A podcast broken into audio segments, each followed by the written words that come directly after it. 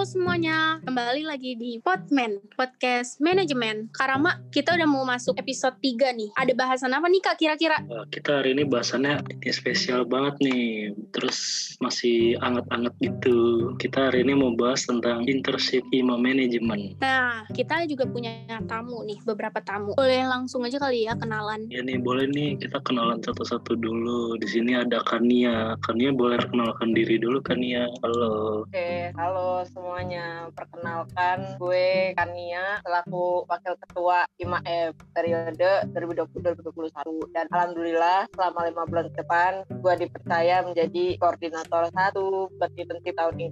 Salam kenal, keren banget dong. Halo Dulunya Kania. Sempet magang juga kan tuh? Yoi, bener banget. Dulu gue magang di Divisi Informasi Komunikasi dan Masyarakat. Divisi gua, Dep, divisi gua dulu.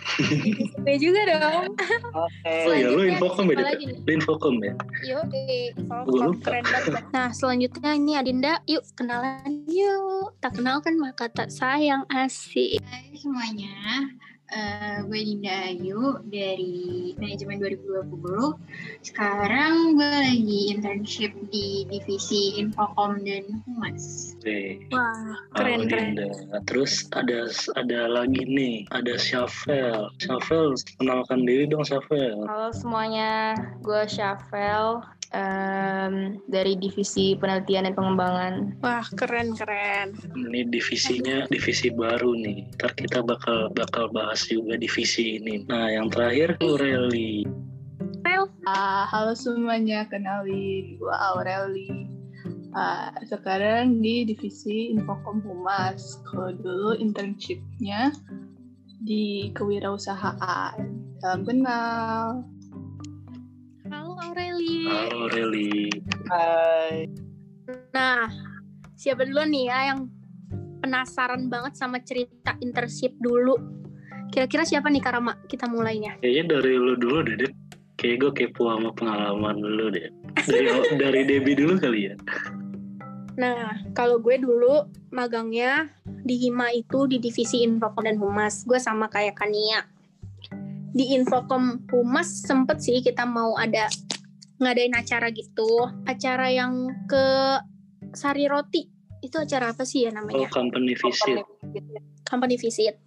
Gue dulu sempet dijadiin divisi acara sama Kak Farel, tapi udah nyusunin rundown tuh, sampai gue ngechatin dia, gak jadi acaranya. Gara-gara pandemi sih. Iya ya sayang banget padahal kita udah excited banget ya mau ke Sari Roti mau ngunjungin pabrik ya. Ya, padahal itu udah kayak kepo aja gitu kan, kapan lagi anak IBS jalan-jalan tuh ke Sari Roti. Dapat roti lagi ya roti gratis Nah, ya. iya, udah kayak ngesusun semuanya acaranya tuh waktu-waktunya. Tuhan berkendak lain. Eh, kira-kira kok kalau misalkan di Infocom tuh dulu tugas-tugas lu ngapain aja deh? Kalau di Infocom itu tugasnya nih ya paling sering itu posting, desain, bikin caption. Tapi pas magang kan gue belum terlalu bisa banget desain-desain gitu. Untungnya ada orang manusia berbaik hati. Siapa Enggak tuh? Kania. Kania juga Infocom nih, bareng aja yuk. Oh ya Kania boleh dong boleh, Kania. Di Infocom Halo. kita ngapain aja sih Kania? Di Infocom kita biasanya eh, bikin ini, bikin caption, misalkan oh hari raya Idul Adha, gue bikin caption nanti misalnya Debbie yang bikin desainnya, atau misalnya dulu kita ada kakak tingkat juga, Nah, dulu kan kita bertiga, jadi dulu anak 2018 satu orang, anak 2019-nya dua orang, gue sama Debbie, gitu. Dan gue dulu juga sempet di Infocom dan Humas itu bikin suruh bikin desain pertama pengalaman pertama lah gua ngedesain gitu pakai aplikasi Canva dan ternyata hasilnya nggak mengecewakan bro MC Wah, keren. Kalau gue sih dulu pertama kali kayaknya diajarin ya nggak sih Karama? Gue diajarin sama Iya. dia. Ya dulu diajarin lu deh. Awalnya kan lu belum bisa juga, tapi akhirnya bagus juga kok. Sekarang-sekarang udah udah jago nih kelihatannya. Eh, nggak nyangka juga sih gue. Oh iya, pokoknya Infocom divisi paling kayaknya sekarang nih ya, kayak ngedesain gitu. Itu tuh kita punya ketua yang baik hati banget nih. Aduh. Kayak- Google Meet cuman buat ngajarin cara ngedesain. Hmm, keren banget gak sih Kania kayak gitu? Kayak Gila, lu yang tadinya nggak bisa apa-apa, lu nggak ngerti cara pakai Canva diajarin. Baik sih. Gak sih? banget sih kita. Alhamdulillah. Nah iya sih itu sebenarnya emang ini sulitnya online ya guys ya.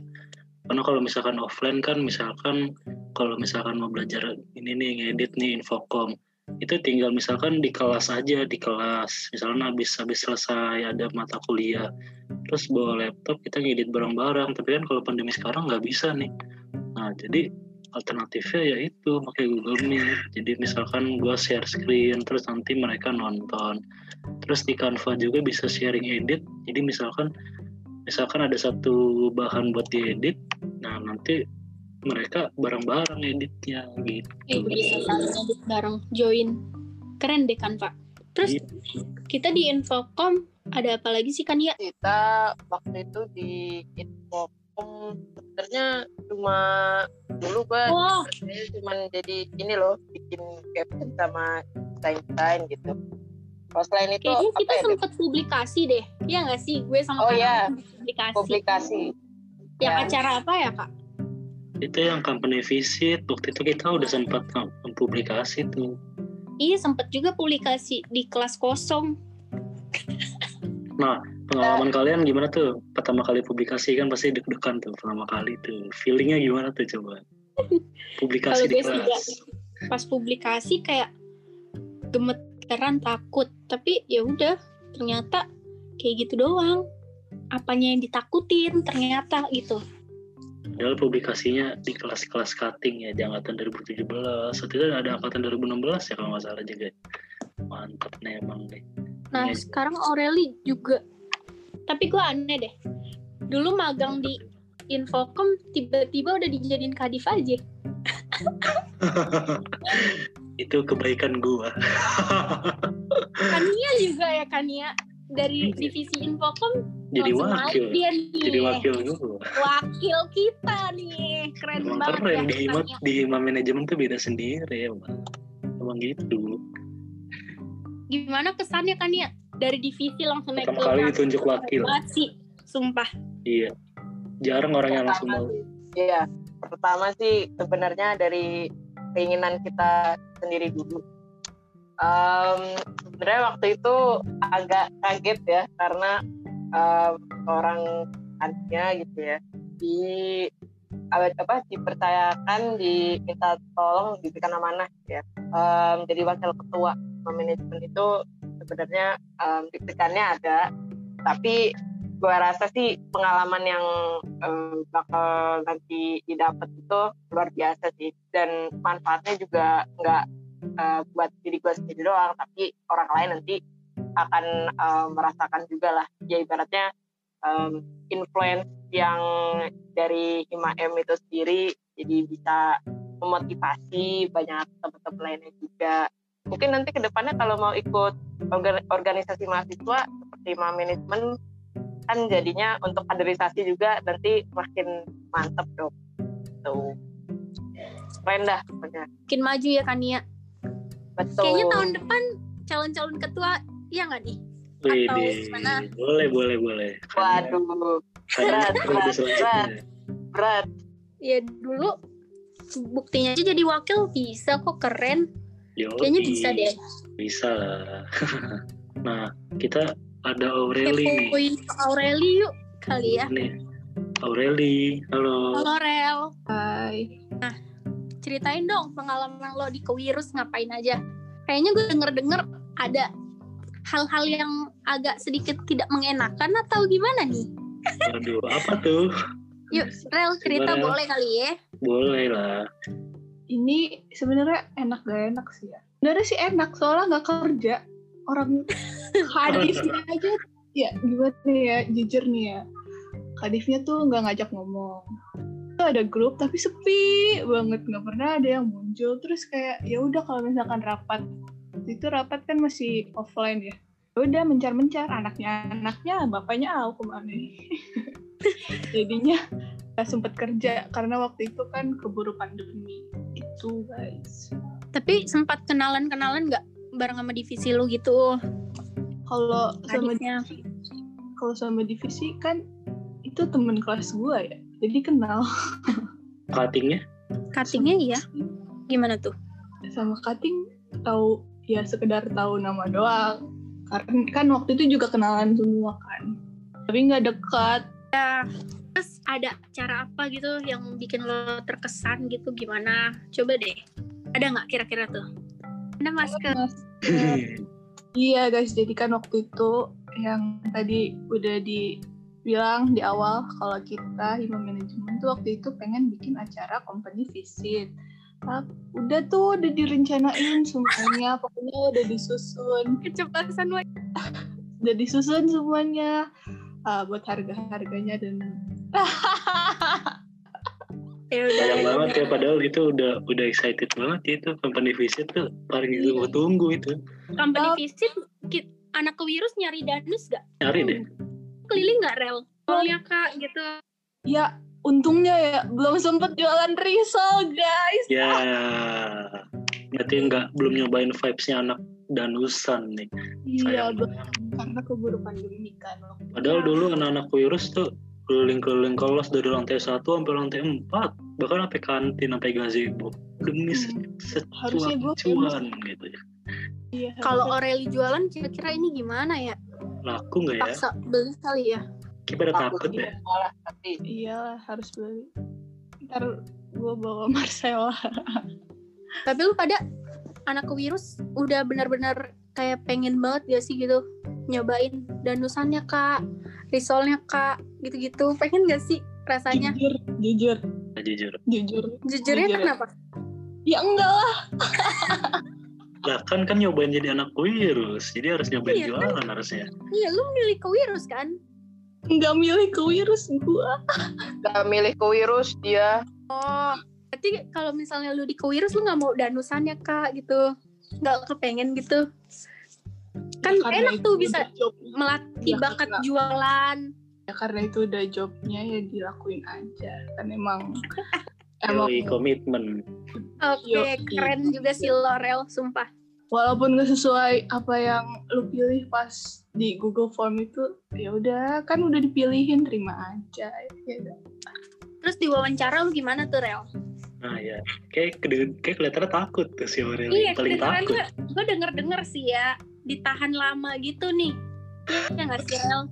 bukan bukan ditahan itu memang gue aja jawabnya nggak meyakinkan makanya pada masih pada ragu jadinya ditanyain mulu Siapa tuh, Rel, yang nanyain mulu?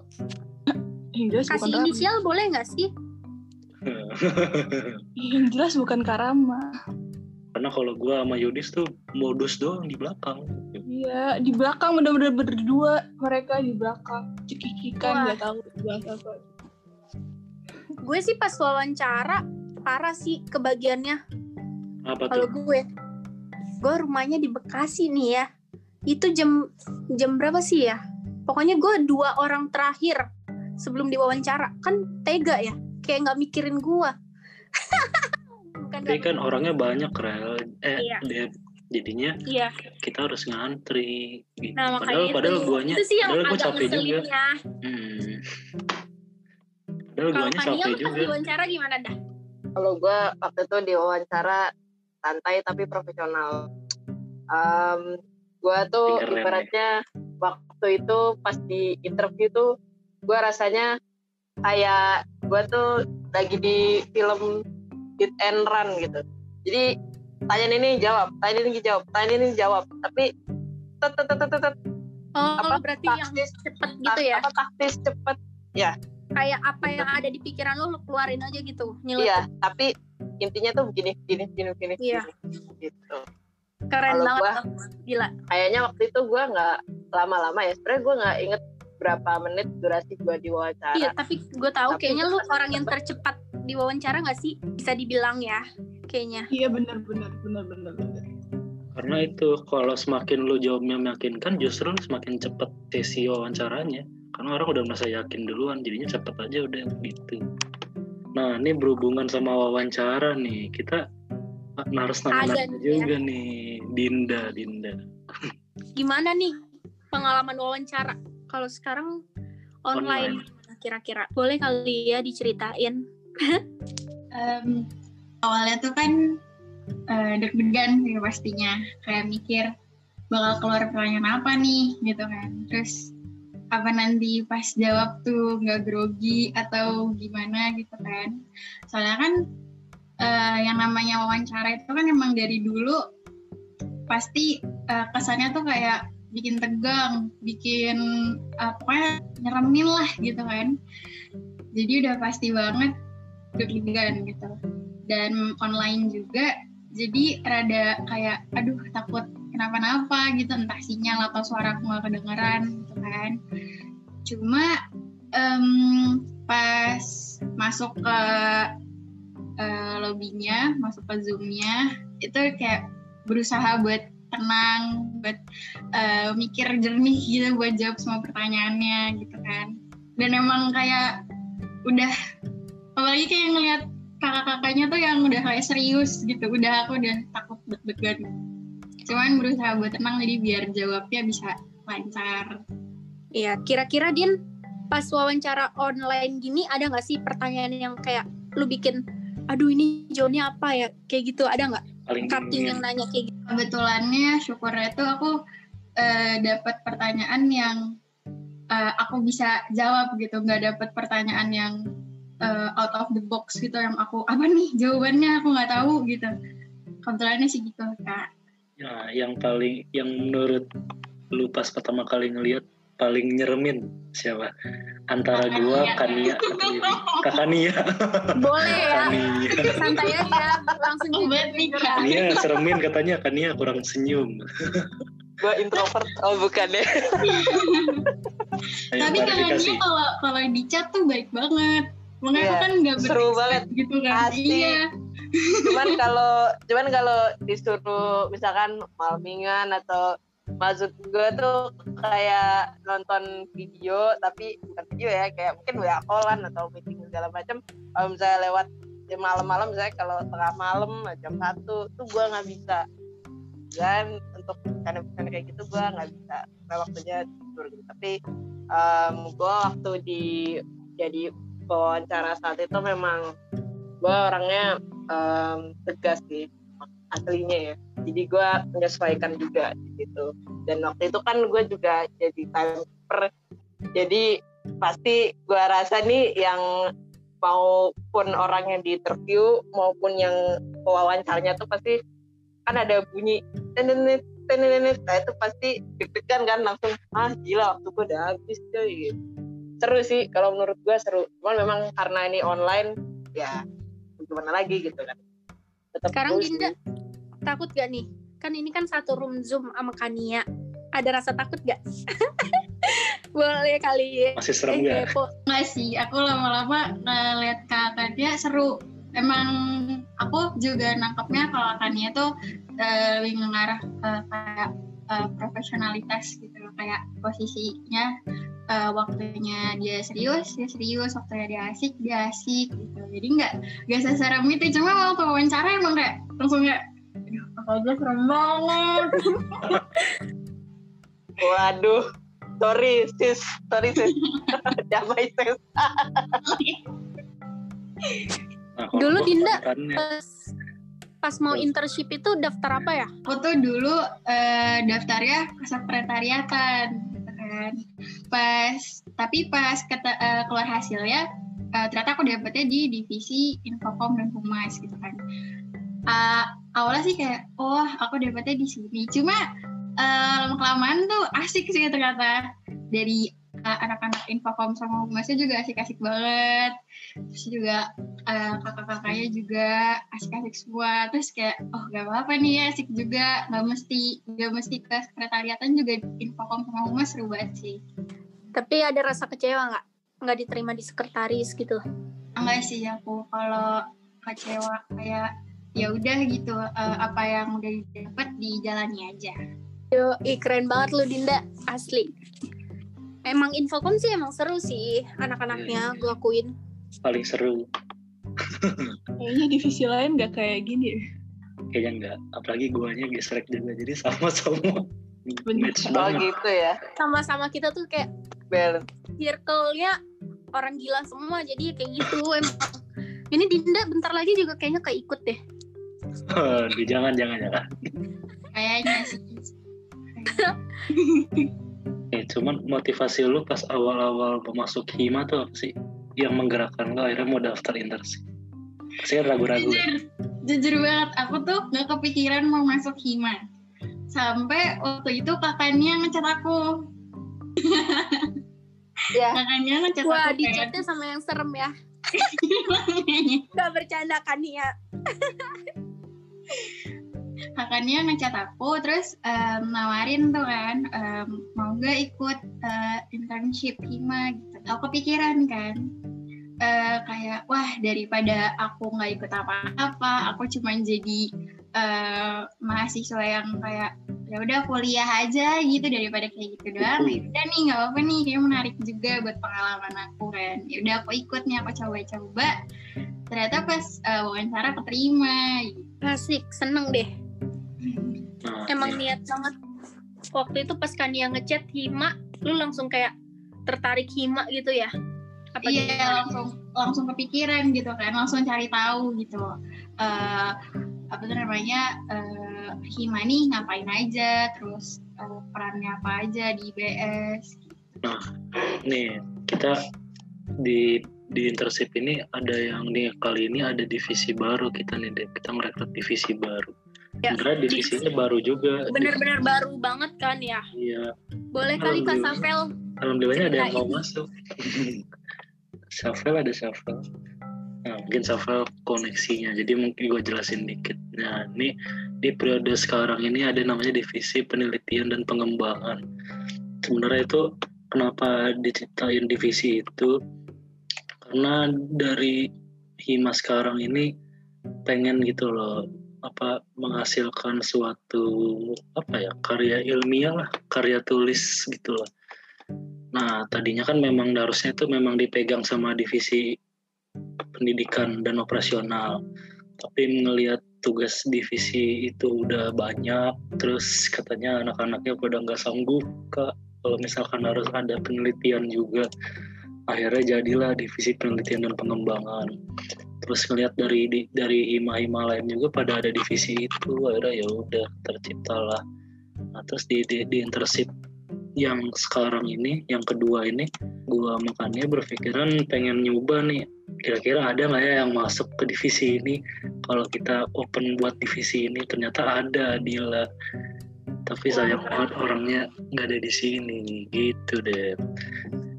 Iya gue divisi litbang itu kayaknya gue denger denger lagi ribet-ribetnya masalah responden nih ya gak sih Lagi ngejar, lagi ngejar questioner. Harusnya targetnya tahun lalu udah selesai, tapi gimana ya tugas-tugas, tugas-tugas tuh banyak banget jadinya ketunda-ketunda. Nah sekarang lagi dikejar nih, gitu. Em, bagus deh semangat terus divisi litbang divisi semuanya deh semangat terus Nah, Ini- ngomong motivasi masuk internship, lu sendiri kenapa deh waktu itu mau masuk internship? Padahal waktu itu offline terus kuliah, pasti kan lebih sibuk daripada sekarang online ya. Iya, kalau gue sih lebih ke pengen aja gitu ikut organisasi, tapi organisasinya bukan yang kayak lebih ke jalan gitu, gue pengennya yang kayak lebih ke pendidikan gitu. Terus gue tanya-tanya tuh sama Kak Laura kalau nggak salah. Gue sempat tanya-tanya ke dia, Kak, kira-kira di Hima ngapain aja ya Kak? Terus ya udah pokoknya iya deh Hima gini-gini dijelasin lah tuh. Nah, ya udah akhirnya gue langsung daftar aja sih, gitu doang. Kalau Kania motivasi Kania lu mau- ikut Hima apa nih? Kan dia motivasinya gede nih kayaknya. Kan dia. Iya, kalau gue orang-orangnya nggak punya motivasi gitu gimana? Kalau Aureli punya motivasi nggak nih Aureli? Ayo, Fania dulu mungkin. Ya, em, kalau gua dulu ikut apa ya motivasi ya, motivasi ikut em, internship MAM. Sebenarnya memang gua dari dulu ya eh, beberapa tahun yang lalu gua belum pernah sama sekali ikut yang namanya organisasi, misalkan osis lah, PPK lah atau kayak pengurus pramuka lah atau ya apa pun itulah.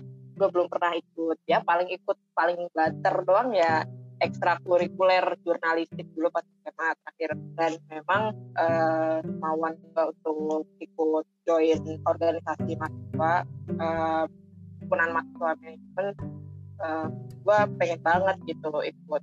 Ya uh, kesempatan besar banget nih uh, buat gue akhirnya ya komit sih. Gue akhirnya mau banget ikut manajemen. Ya internshipnya ya. Kalau bukan sekarang ya kapan lagi gitu. Kan gue mikirnya juga waktu itu kalau misalkan gue ikut uh, seandainya pengen ikut um, 5M yang bener-bener bukan internship ya jadi bener-bener full satu periode itu kan uh, jadinya gue udah ada gambaran gitu. Nanti kalau gue sebagai bagian dari manajemen nanti ngurus pas di tertibnya udah tau lah nanti tugasnya begini-begini. Paling kalau ada additional test nanti kan uh, ke depannya juga seiring berjalannya waktu pasti uh, makin terbiasa lah gitu. makin wawasan kita makin banyak gitu sih. Dan memang waktu itu satu kelasan gue gue kan kelas internasional. Di sini gue juga sekelas juga sama Aureli ya. Um, sekelas gue isinya waktu itu ada 9 orang. Sekarang 8 orang. Nah 9 orang kita waktu itu benar-benar komit mau ikut eh sorry 8 8 orang mau ikut intern uh, semua ya? lima manajemen dan alhamdulillah waktu itu kita terima semua. Seneng dong seneng dong pasti dong. Ya kan? Seneng banget pasti. Itu itu kok bisa sampai sekelas mau ikut semua itu gue bingung sumpah awal. Ini kok mau sekelas gitu? Itu kenapa sih awal sampai sekelas mau ngikut semua? Waktu itu gimana ya? Karena um, kemauan kita sih ayo dong waktu itu Eduardo kalau nggak salah Eduardo Arya uh, Martella Aureli juga kayak wah nih 5M membuka internship. Ah eh, daftar yuk 5M nanti kan kalau misalnya udah udah kita udah diterima uh, nanti internship kan nanti kalau misalnya mau masuk 5M yang beneran kan uh, kita udah tahu dulu dong kayak misalnya tugasnya ngapain aja ini ngapain aja gitu kan. Juga buat kaderisasi ke depannya juga kalau bukan kita pemuda-pemudi saat ini ya siapa lagi yang bakal ngerusin kan lagi gitu. udah itu juga kayak kalau kuliah doang gitu gue pernah dapet omongan dari IBS apa siapanya gue nggak tahu sih ya lupa. Jangan jadi mahasiswa yang kayak kupu-kupu kuliah pulang kuliah pulang, kuliah pulang. siapa ya waktu itu? Cutting pernah pokoknya. Iya kayaknya. Dia acara apa ya itu waktu itu Nah, gue kepikiran, iya juga ya, sekarang organisasi ternyata ada value lebihnya gitu gak sih? Iya, bener banget. Ada lebih ke soft skill-nya juga, ya kan? Karena kalaupun juga nanti mau ngelamar kerja, kan pasti yang dilihat nggak cuma dari transkrip akademik, akademik aja oh. kan. Ya, dari pengalaman organisasinya juga. Jadi Itu sih salah lah. satu motivasi gue. Karena gue akademik gue bukan yang tipikal pinter-pinter banget bukan. Makanya gue nambahin di organisasi juga sih. Pinter kan aja kenal. ya. pinter aja. Kalau Aureli nih motivasinya apa nih Rel? Aureli nggak punya motivasi kali. Rel motivasi lo apa Rel? Masuk hima. ikut-ikutan aja karena teman-teman gue pada ikut ya. Masa gue nggak ikut gitu ikut-ikutan tapi jadi jadi kadif sekarang. Iya ikut-ikutan jadi kadif deh. Iya ini nggak tahu nih. Ada kesenangan nggak rel iya wah keren nih gue jadi kadif gitu. Iya gitu kayak ada rasa bangga. Yang namanya ketua pasti ada apa ya? bukan beban sih kayak nambah tanggung jawab aja jadinya harus lebih oh. nambah lah pokoknya tanggung jawabnya. Tapi ada rasa bangganya juga kan tersendiri. ya, bangga karena dipercaya sama kasih. keren bapak deh sama ibu ya terima bapak kasih ibu. percaya saya. Itu terus di teror bener-bener dari pagi sampai malam sama tiga orang ini guys. Sama Karama sama Debbie sama Kania tuh gue tiap hari ada aja yang ngechat ayo rel ayo rel. Ya Allah. Emang gitu harus diteror dulu harus dichatin dulu. Kayak masuk hima juga sama. Itu harus kalau waktu itu Laura nggak ngechat kalian kalian mungkin nggak akan masuk. Ih, gue nggak di eh, eh di chatting sama Karara. di Gua nggak chat di-chat. gue nggak di chat oh ini enggak gue nggak sadaran Kalau- diri sendiri bro entis oh ya mungkin emang nggak semua sih tapi kebanyakan memang di chat sih diajakin. Nah nih sekarang. Gue kepo sama angkatan 2020 sebenarnya. Sebenarnya kalau di angkatan 2020 tuh ini gak sih kayak sama kayak angkatan 19 dulu gak sih? Kayak apa excited juga atau biasa aja coba Dinda ini kan online juga ya soalnya Eh, apanya nih kak? Excited apa? ya kayak angkatan 19 kan pada excited mau daftar gitu. Sampai satu kelas mau daftar. Kalau di angkatan 2020 tuh se excited itu gak sih? Atau enggak biasa aja? Soalnya kan sekarang beda nih online sekarang. Em, kalau yang aku lihat sih kalau dibilang excited cukup excited sih kayak teman-teman aku ya. Pada pada mau daftar internship kayak banyak sih eh, teman-teman kelasan aku juga yang daftar gitu terus keterima juga banyak Hmm, berarti berarti walaupun online nggak mengurangkan semangat ya. Tetap semangat semua. Emang sama kayak moto dari internship sekarang. Pandemi tidak pandemi tidak menghalangi kita untuk tetap berkarya. Asik. Ya deh. Keren banget. Oh ya, gue mau nanya-nanya deh. Dinda ini dari kelas inter bukan? aku tuh nggak tahu di eh, angkatan aku tuh masih diadain kelas inter atau enggak cuma waktu itu ada tesnya kan dan aku keterima. Aku ambil tuh. Cuma aku nggak tahu eh, itu masih berjalan atau enggak nih sekarang. Soalnya kelas yang aku eh, masuk sekarang ini masih kelas yang dulu gitu loh kak. Jadi aku kira di semester baru ini aku udah pindah kelas masuk ke kelas inter. Soalnya kan waktu itu ditanyain juga tuh sama eh, akademik gitu kan buat ambil tawarannya atau enggak. Nah kebetulan aku ambil tapi nggak tahu lagi udah nggak ada kabarnya lagi kayak gimana. Si waktu itu sempat ini sempat dari Kaprodi itu ada survei mengenai keefektivitas keefektivitasan kelas internasional itu atau kelas bilingual. Nah, kayaknya kayaknya mungkin masih diproses kali ya sama prodinya. Nah, nanti bisa tuh di- ditanyain lagi. Tapi kelas inter tuh sebenarnya seru sih, itu harus ada ya. Karena itu kan kelebihan IBS juga itu. Buat belajar-belajar bahasa Inggris tuh mantep banget itu. Ya nggak? Ania sama Debbie ini udah ngerasain. banget. Duh, gue bukan anak inter jadi Coba Rel, gimana Rel? Seru, sumpah seru banget kayak dosen inter sama dosen reguler tuh bener-bener beda. Ya Waduh. pokoknya di inter tuh dosennya ajaib semua pokoknya. Semua hampir semua ajaib. Aduh. Ya ini ini di kalangan mahasiswa aja aja IP jangan di sini. sekarang sekarang kita lanjut lagi Debbie. Nah ini gue pengen tahu juga nih.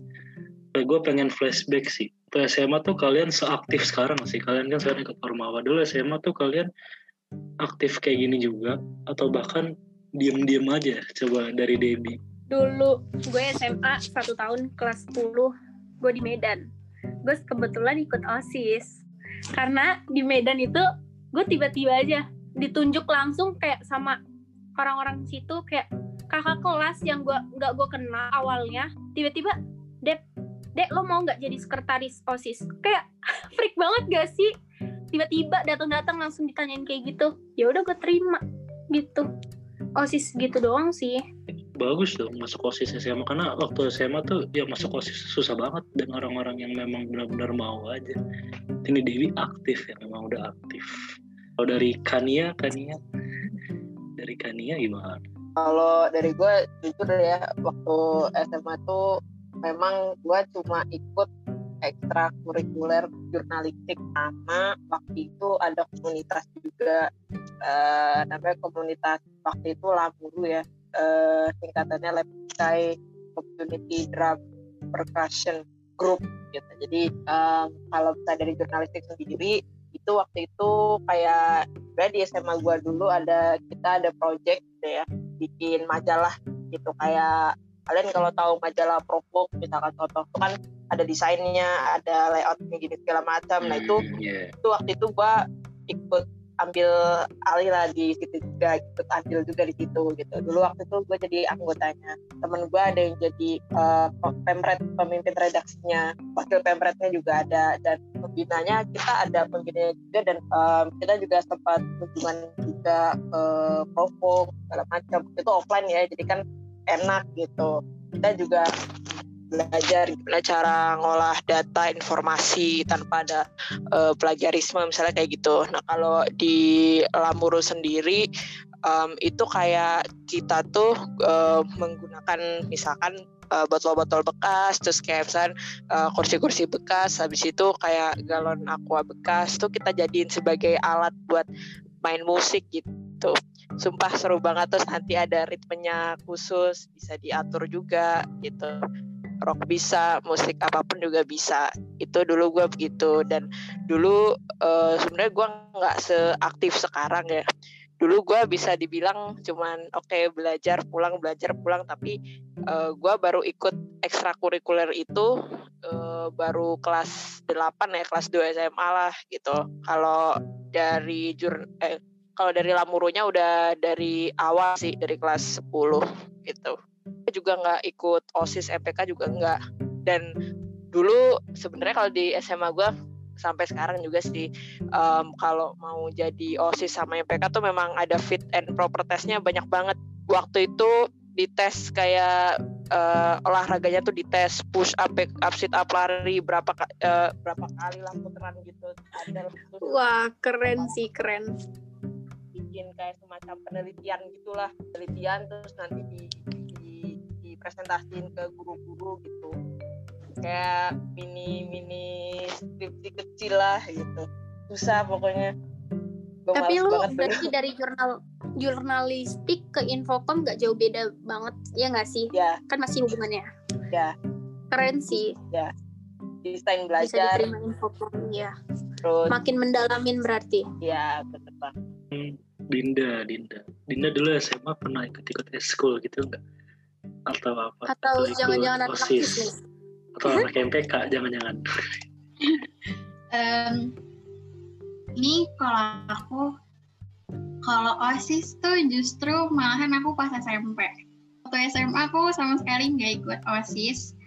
Soalnya aku mikirnya kan eh, takutnya sibuk banget tuh buat eh, waktu itu aku soalnya nggak ngajar PTN aku tuh ngajarnya eh, stan kan. Jadi mm, takutnya sibuk banget terus nanti jadinya eh, keteteran nggak fokus malah jadi keganggu gitu kan. Makanya aku eh, putusin buat gak ikut organisasi kayak OSIS atau MPK nah di SMA tuh aku cuma ikut ekstrakurikuler basket aja sih. Dan di situ aku juga menjadi pengurus bendahara nah kalau waktu SMP nih sebenarnya seru sih aku pas OSIS jadi eh, pas SMP kebetulan tuh eh, di SMP ku tuh ada aku kebagian eh, ini apresiasi seni bidang apresiasi seni.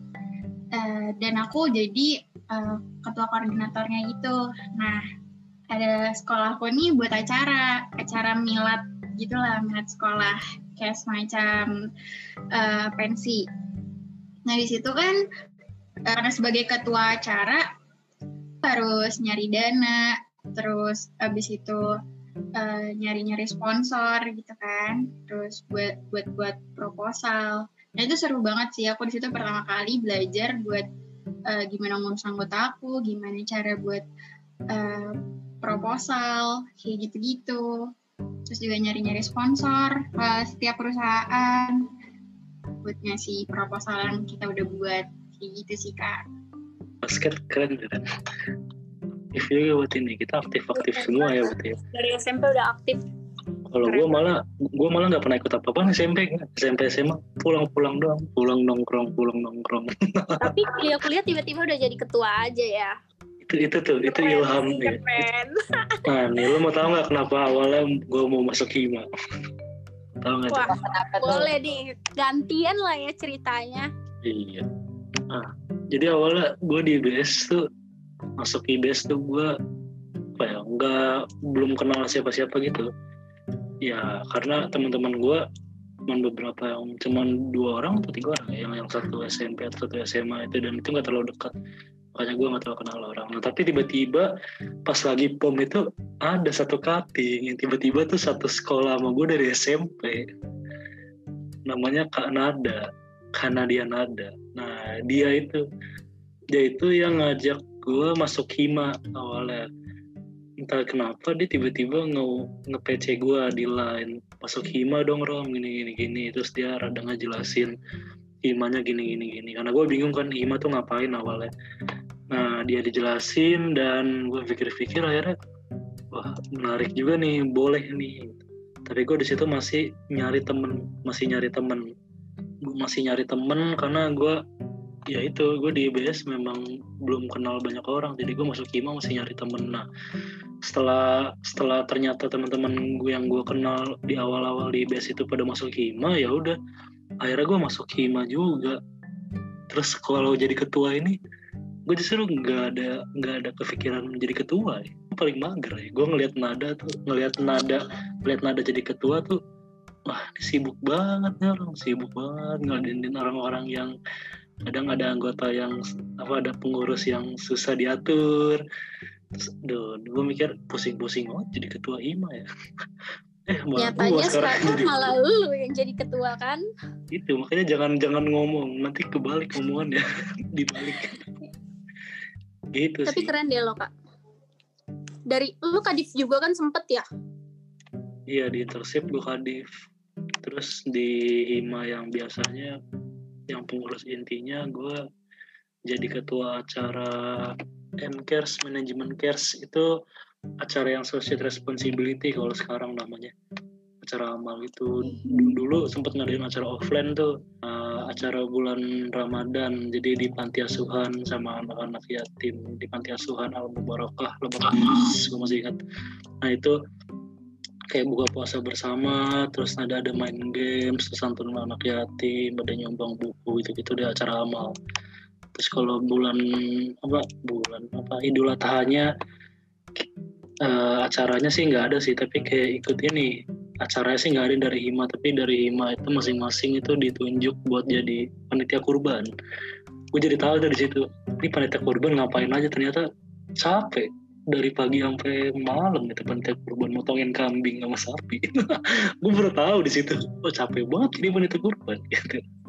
Lu pas di, jadi ketua nih ya udah pengumuman ternyata lu jadi ketua ada rasa bangga gitu gak sih kayak sama diri lu sendiri nggak nyangka nah, gitu apa gimana? Awalnya gue awalnya belum ada kepikiran bangga gue takut ini malah. Oh gila gue jadi ketua gue gimana jadi himanya gue takut banget. Udah gitu udah gitu kan kalau yang dari periode sebelumnya yang lanjut waktu itu belum ada yang lanjut nggak ada yang lanjut sama sekali. Wah anjing gue gue nggak dapet anggota nih nggak dapet anggota. Soalnya gue kan ya siapa sih yang nyangka gue jadi ketua gitu loh orang yang kayak gini nongkrong di gazebo dulu sampai malam. Kucuk-kucuk jadi ketua. Kayak aneh gitu kan terus siapa yang menjadi anggota hima gue gitu kan. Ternyata banyak juga. ternyata nggak setakut yang diharap nggak nggak setakut yang difikirkan. Tapi akhirnya bangga juga akhirnya keren juga nih. Gitu. Nah kira-kira nih ya gue mau nanya sama siapa ya? Harapan buat internship ada yang mau ngasih harapan nggak gitu pesannya? Buat internship selanjutnya gimana? Dari Dinda dari Dinda dulu. Yang lu harapin di internship Dinda? Um, aku berharapnya yang simpel-simpel aja sih aku nggak tahu lagi sih sebenarnya. Um, berharapnya semoga uh, program internship ini tuh bisa berjalan dengan lancar terus tujuan dari internship ini juga semuanya tuh dapet manfaatnya semua juga ngerasain terus uh, apa ya uh, pastinya jadi pengalaman yang baik dan berkesan banget sih buat semua uh, yang udah ikut internship buat ke depannya. Harapannya ada kira-kira mau next jadi anggota hima beneran atau gimana? Uh, buat ke depannya, aku sih udah udah uh, kepengen sih maksudnya uh, ngelanjutin gitu. kan masa sih maunya magang aja gitu kan internship aja pasti maunya jadi anggota juga Iya, oke keren banget loh. Kania nih dari ibu wakil mungkin ada nggak harapannya? Mau, mau jadi ketua harapannya? Kalau harapan gue sih dari gue simpel aja. Uh, pertama tadi kayak Dinda bilang ya, uh, apalagi kan sekarang nih lagi online gitu ya. Gue harap uh, kalau gue pribadi sih harapnya internship lima uh, bulan ke depan nanti mulai dari bulan ini nanti lima bulan ke depan itu benar-benar lancar dan memang uh, harapan gue juga semoga semua proker yang memang udah kita rencanain bareng-bareng bisa terlaksana dengan baik gitu. Uh, mudah-mudahan nanti uh, kendalanya ya semakin minim lah gitu ya. Mudah-mudahan nggak ada kendala ke depannya amin. Dan berharap dengan adanya intensif uh, kali ini uh, tahun ini kaderisasi untuk imam manajemen untuk ke depannya lebih baik lagi. Amin. Nah, Aureli punya harapan nggak nih Rel? Atau dari Pak Ketua mungkin ada harapan buat internship? Dari siapa nih? Dari gua dulu. Dari gua dulu. Nah. Si internship yang pertama bisa lanjut lagi tahun depan. Jadi internship program internship nggak nggak putus di tahun ini. Nah bisa lanjut di tahun-tahun berikut berikut berikutnya. Terus bisa memberikan impact yang bagus juga buat himanya artinya nantinya kadar-kadar himanya makin makin meningkat lagi kualitasnya dari segi banyaknya pengurusnya juga gitu nah terus yang pasti harapannya sih gue dari yang ikut internship itu bisa ini bisa meningkatkan minat dan bakatnya mereka bisa mereka bisa mendapatkan pengalaman dari internship ini. Jadi bukan sekedar cuman udah nih jadi anggota internship terus udah aja. Nggak ada kayak suatu kegiatan yang yang tidak memberikan pengalaman yang berkesan gitu walaupun online nih karena sesuai itu sesuai motonya pandemi tidak menghalangi kita untuk berkarya aktivitas apa pun. Iya itu sih kalau harapan gue oke. Okay dari Debi mungkin. Debi dari lu deh. Apa lu mau nyalon ketua juga? Wah. Iya nih denger denger skip dah gue kalau ketua gue nggak cocok wakil wakil wakil. Udah ya lu segitu ya udah harapan dulu harapan gue sih ya sama kayak lu pada juga gue harap sih internship ini nanti periode selanjutnya harus ada sih. Karena kayak bikin orang kan kalau misalnya langsung tiba-tiba join hima kita nggak tahu di hima itu sebenarnya kan kalau dengar dari omongan doang hima tuh begini-begini. Tapi kalau kita nggak ada ngadain magang kita nggak tahu prosesnya kayak gimana benar, lebih benar. jelas detailnya gimana jadi kan kayak berpengaruh banget tuh itu aja sih pesan gue pokoknya harus dijalanin lagi ke depannya udah nih kayaknya kayaknya udah ini pembahasan kita udah banyak banget nih menarik menarik juga ya nih kita kita ini gabut gabut yang berfaedah. Oke. Oke, kayaknya sampai di sini aja sampai sampai di sini dulu ya kita ya ya deh Oke. Kok gue nggak bisa berkata-kata sih? Oke. Ini berarti episode yang kedua tetap ini ya tetap dengerin kita terus karena kita bakal ngulik-ngulik hal-hal yang lebih seru lagi meskipun kita iya, pokoknya pantengin terus Potman episode selanjutnya jangan sampai di skip Potman ini pokoknya bakal nanti sharing yang lebih keren lagi sih ya, see you kita, next podcast bye bye kita ini apa ya kita masih membangun sebuah podcast. Jadi kalau misalkan ada kurang-kurang, mohon maaf banget gitu. Misalnya dari soundnya ada noise noise gitu, ya kan? Ya benar. Ya, kita terus berkembang ya. Makanya support kita terus dengan cara listen, listening, follow, And share. and share. Alison. Mantap, mantap. See you on next podcast. Bye bye. Oke, bye bye guys. Dadah semua. Yeah.